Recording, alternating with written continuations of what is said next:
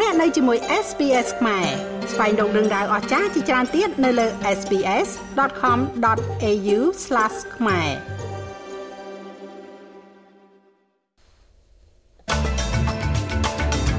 គណៈកម្មាធិការជ្រើសរើសរួមស្ដីពីការបោះឆ្នោតប្រជាមតិសម្លេងជនជាតិដើមភាគតិច Aboriginal និងអ្នកកោះ Torres Strait បានចាប់ផ្ដើមសវនាការ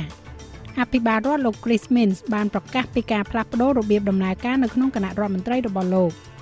រដ្ឋាភិបាលសហព័ន្ធបានការពារចំពោះលក្ខខណ្ឌបុគ្គលិកតឹងរឹងសម្រាប់មណ្ឌលមើលថែទាំមនុស្សចាស់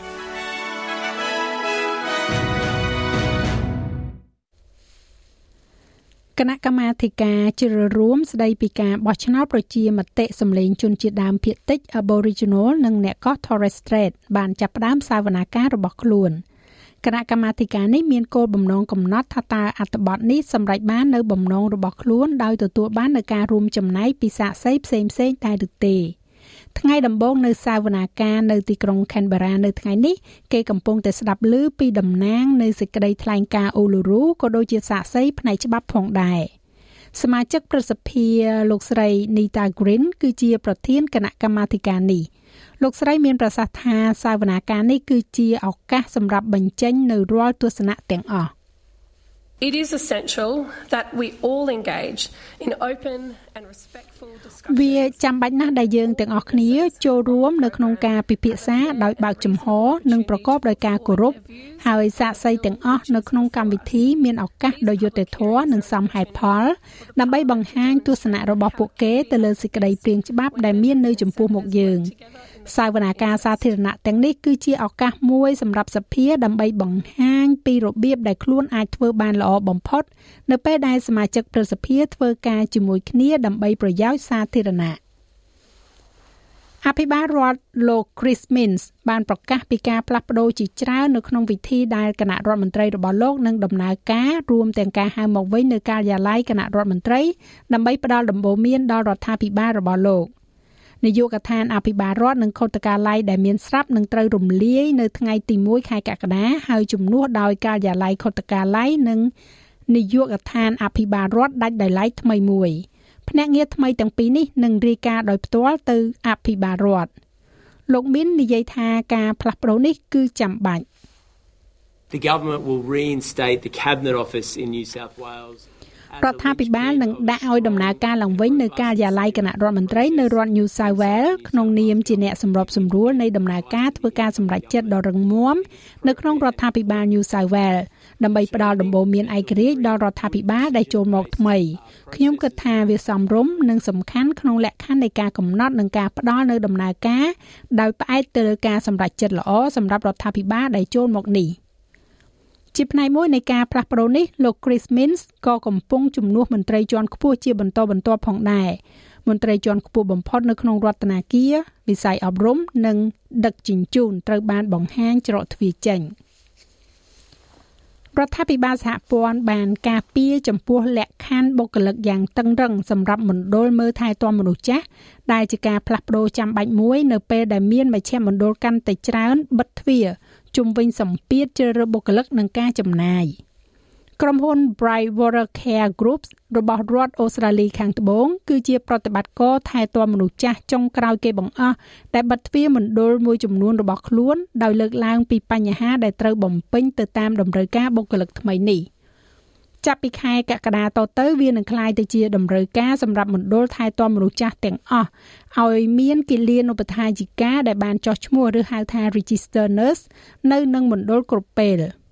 Brightwater ដំណើរការមជ្ឈមណ្ឌលចំនួន23កន្លែងនៅទូទាំងរដ្ឋអូស្ត្រាលីខាងលិចប៉ុន្តែនាយកប្រតិបត្តិលោកស្រី Catherine Stoddard បានបញ្ជាក់ថា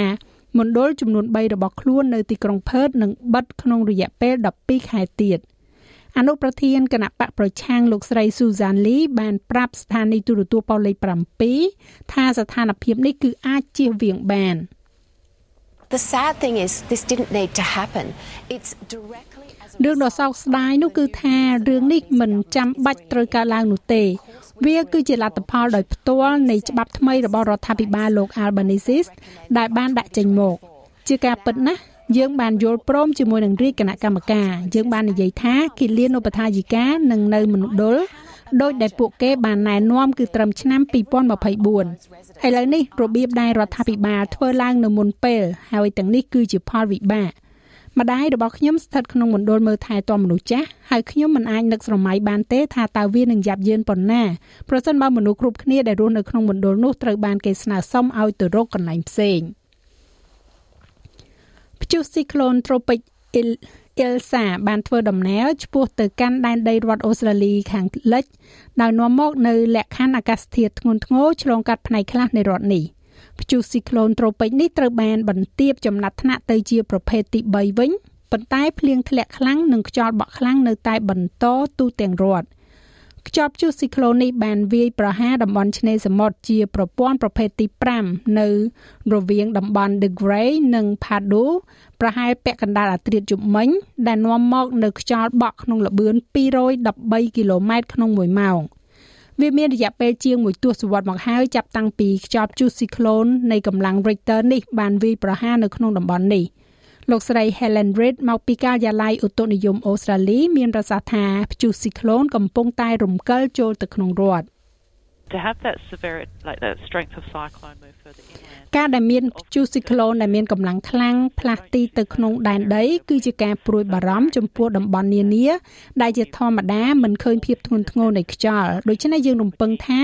នឹងមានការបំផ្លិចបំផ្លាញទ្រព្យសម្បត្តិជាច្រើនខណៈដែលវាឆ្លងកាត់ដែនដីនេះបន្ថែមទៀត ទោះជាយ៉ាងណាក៏ដោយការិយាល័យនេះបាននិយាយថាខ្យល់ព្យុះស៊ីក្លូនដ៏អាក្រក់បំផុតបានកន្លងផុតទៅហើយ។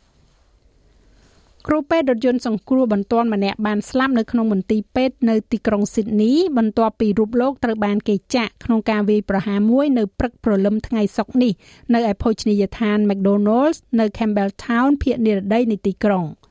ប៉ូលីសបានបញ្ជូនគ្រូពេទ្យរូបនោះទៅកាន់មន្ទីរពេទ្យ Liverpool ដើម្បីព្យាបាល ប៉ុន្តែលោកបានស្លាប់ដោយសារតែរបួសរបស់គាត់ភ្លាមៗបន្ទាប់ពីមិនដល់មន្ទីរពេទ្យបរិះអាយុ21ឆ្នាំម្នាក់ត្រូវបានចាប់ខ្លួននៅកន្លែងកើតហេតុលោក Chris Minns អភិបាលរដ្ឋ New South Wales មានប្រសាសន៍ថាឧបទ្ទវហេតុនេះគឺជាការរំលឹកពីគ្រោះថ្នាក់នៃការងារនេះ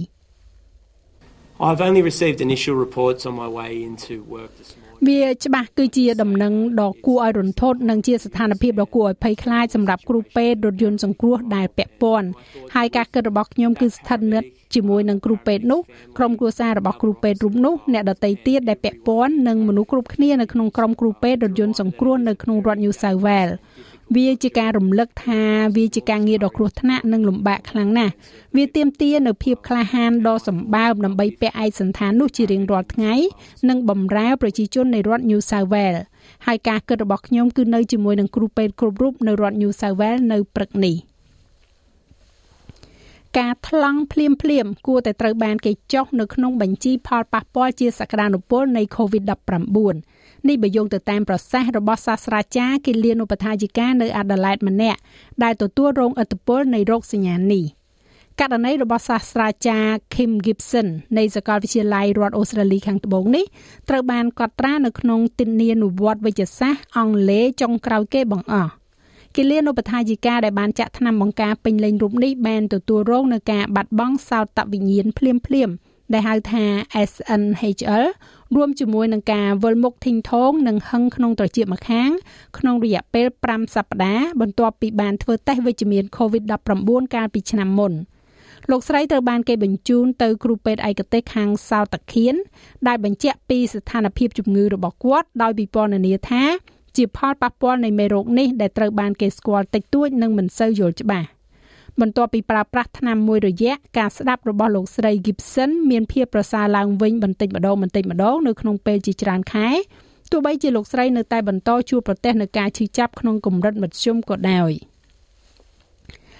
នៅក្នុងប្រទេសកម្ពុជាវិញពលរដ្ឋទូទាំងប្រសំទោស ប្រជាពលរដ្ឋខ្មែរនៅទូទាំងប្រទេសអូស្ត្រាលីក៏ដូចនៅក្នុងប្រទេសកម្ពុជាក៏ដូចជានៅទូទាំងសកលលោកកំពុងតែអបអរសាទរនៅពិធីបុណ្យចូលឆ្នាំថ្មីប្រពៃណីជាតិខ្មែរចាស់គឺឆ្នាំថោះបញ្ញស័កពុទ្ធសករាជ2567ដែលប្រព្រឹត្តទៅរយៈពេល3ថ្ងៃគឺនៅថ្ងៃនេះថ្ងៃសុក្រថ្ងៃសៅរ៍និងថ្ងៃអាទិត្យទី14 15និង16ខែមេសានេះ។ ហើយនេះមានស្លករីមាននំបញ្ចុកអីនឹងចាក់ជ្រួយអីមកវត្តគេលោកតាំងធ្វើតាំងពីម៉ោងប្រហែលចាគ្រប់តាំងម៉ោង5ធ្វើចាឆ្នាំនេះបើតាមយើងខ្ញុំមើលឃើញនៅក្នុងវត្តពុទ្ធរាំងសីយើងទាំងមូលថ្ងៃសុកមិនដែលមនុស្សច្រើនដូចឆ្នាំនេះឆ្នាំនេះជាឆ្នាំទី1ដែលមនុស្សមកកកកយ៉ាងច្រើនបំផុតនៅរយៈថ្ងៃសុកពូឆ្នាំនេះបានជាពុទ្ធបរិស័ទយើងមកថ្ងៃសុកដោយចូលឆ្នាំវាចំនៅថ្ងៃសុកបើគិតជាម៉ោងខ្មែរវាត្រូវនឹងម៉ោង 4រសៀលចាកញ្ញាឡាវដាណេដែលមានវត្តមាននៅក្នុងវត្តពុទ្ធរាំងសីមែលប៊នផ្ទាល់នឹងរាយការណ៍ជូនលោកលោកស្រីនៅនាងកញ្ញាពីទស្សនវិជ្ជាបនចូលឆ្នាំខ្មែរនៅថ្ងៃទី1នៅក្នុងវគ្គក្រោយជាបន្តទៀតដោយលោកអ្នកអាចចូលស្ដាប់លើគេហទំព័ររបស់យើងនោះគឺ sbs.com.au/ ខ្មែរ នៅក្នុងកីឡាវាយកូនបាល់ Tennis កីឡាករលេខ16 Lorenzo Musetti បានធ្វើឲ្យកីឡាករលេខ1ពិភពលោក Novak Djokovic ខកចិត្តនៅក្នុង3សិតដើម្បីឈានទៅប្រកួតវគ្គ1/4ផ្ដាច់ព្រាត់ Monte Carlo Master កាលពីម្សិលមិញ។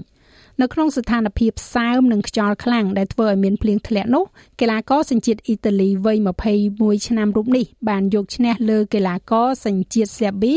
ក្នុងរយៈពេល2ម៉ោង54នាទីបន្ទាប់ពីការប្រកួតចប់កីឡាករជូកូវីតដែលខកចិត្តជាខ្លាំងបានពិពណ៌នាពីអារម្មណ៍របស់លោកថាវាខកចិត្តខ្លាំងណាស់នៅក្នុងសន្និសីទសារព័ត៌មានក្រោយការប្រកួតដ៏ត្រជាក់មួយ។ ចាស់ចំណែកឯអត្រាប្តូរប្រាក់វិញនៅថ្ងៃនេះ1ដុល្លារអូស្ត្រាលីមានតម្លៃប្រមាណជា67សេន8ដុល្លារអាមេរិកត្រូវនឹង2750រៀលប្រាក់រៀលខ្មែរ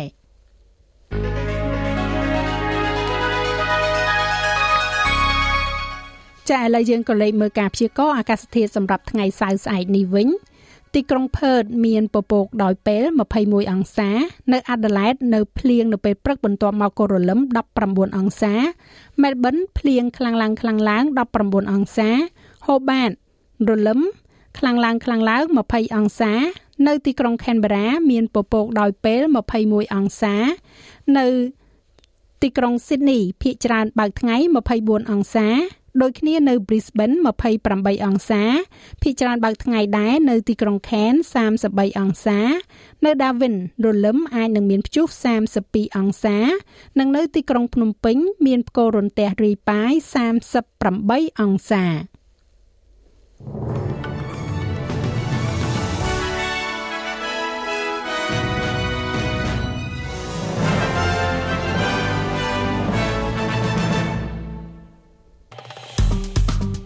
ចុច like share comment និង follow SPS ខ្មែរនៅលើ Facebook